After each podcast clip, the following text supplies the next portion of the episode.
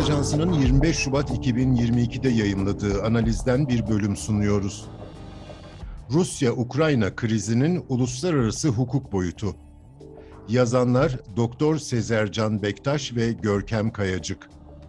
Okuyan Faruk Çalışkan.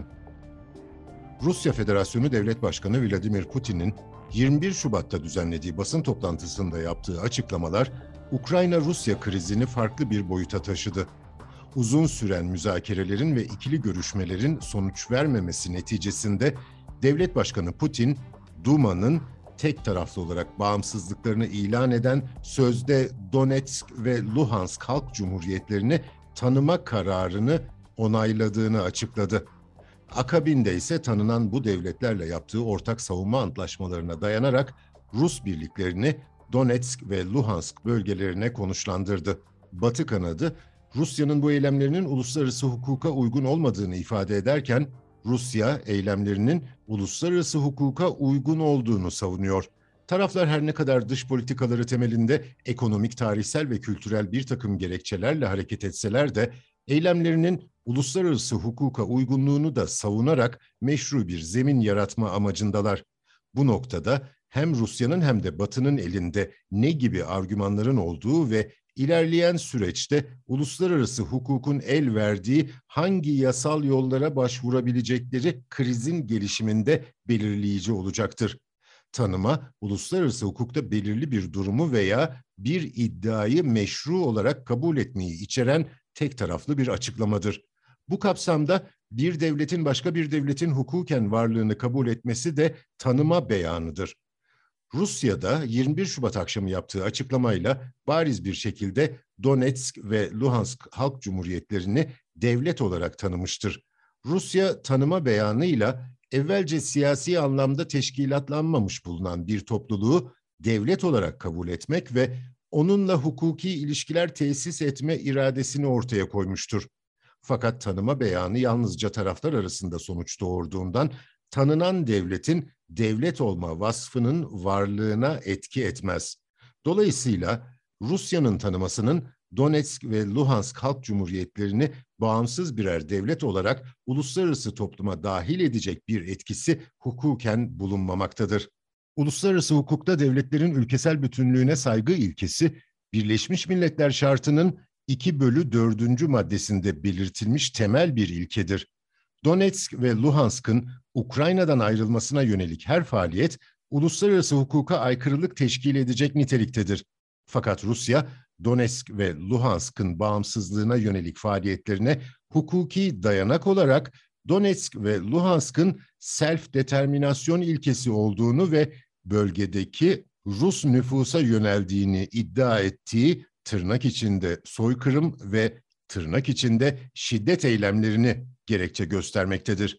Self-determinasyon ilkesi devlet niteliği kazanmamış halkların bağımsız devlet kurmak dahil dilediği devlete bağlı olmayı seçme hakkı olarak tanımlanmaktadır. Fakat self-determinasyon ilkesinin devletin bütünlüğü ilkesine aykırı bir biçimde kullanılmayacağı Birleşmiş Milletler Genel Kurulu tarafından 24-10-1970 tarih ve 2625 sayılı bildirgesinde açıkça öngörülmektedir.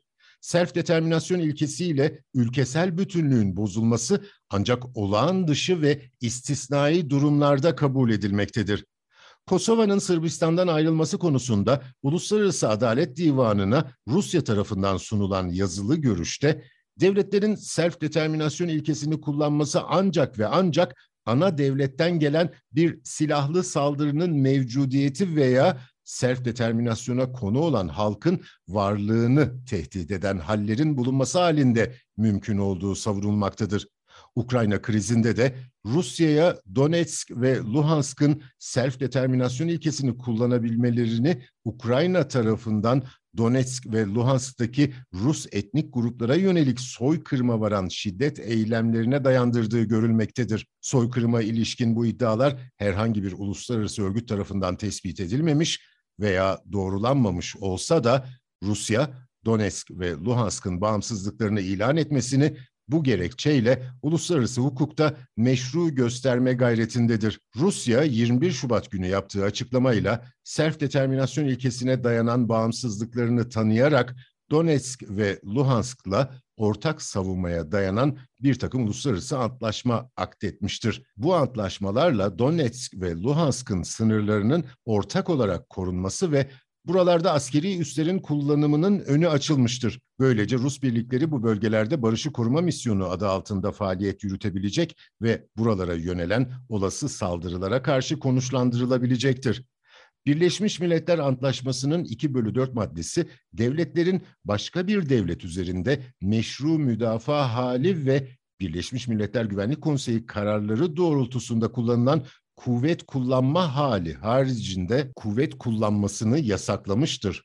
Rusya, Ukrayna'ya muhtemel askeri müdahalesinin uluslararası hukuktaki dayanağı olarak Donetsk ve Luhansk'la Rusya'nın aktettiği askeri antlaşmaların varlığı, Donetsk ve Luhansk'ın Rus kuvvetlerini davet etmesi veya Rusya'nın Donetsk ve Luhansk'ta bulunan Rus vatandaşlarının korunması sorumluluğu gerekçelerinden bazılarını ileri süreceği yaptığı açıklamalardan anlaşılmaktadır. Rusya'nın uluslararası hukukun meşru zeminine yerleştirmeye çalıştığı bu eylemlerine Ukrayna ve batılı müttefikleri ise oldukça farklı bakıyor. Onlara göre Donetsk ve Luhansk'ın self determinasyon haklarını kullanabilecekleri bir durum mevcut değildir ve bu devletlerin tek taraflı ilan ettikleri bağımsızlıkları devletlerin egemenliğini güvence altına alan uluslararası hukukun genel ilkelerine ve BM şartına aykırılık teşkil etmektedir.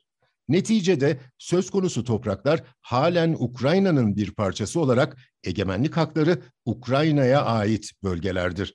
Dolayısıyla varlığı kabul edilmeyen bu devletlerle Rusya arasında yapılan uluslararası antlaşmaların da bir geçerliliği yoktur ve bu antlaşmalara dayanarak Rusya'nın bu bölgelerde icra etmesi muhtemel her türlü askeri eylem Ukrayna'nın egemenliğine yönelen bir saldırı olarak kabul edilebilecek ve meşru müdafaa hakkı kapsamında karşılık verilmesi gündeme gelecektir. Bunun yanı sıra uluslararası hukuka aykırı oldukları açık olan bu eylemleri tanımama noktasında üçüncü taraf ülkelerin de bir takım sorumluluklarının olduğundan bahsedilebilir.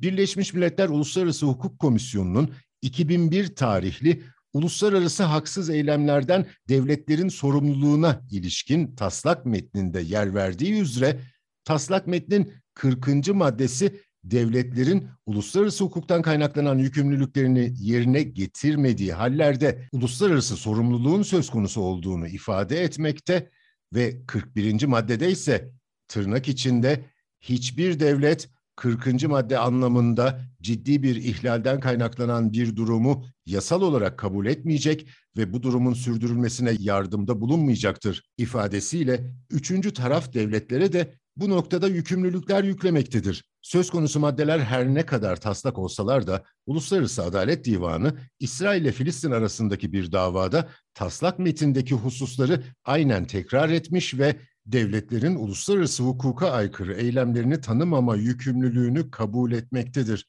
Netice olarak üçüncü devletlerin ve uluslararası örgütlerin hem fiili olarak hem de tek taraflı beyanlar yoluyla uluslararası hukuka aykırı olan bu eylemleri tanımadığını göstermeleri beklenecektir.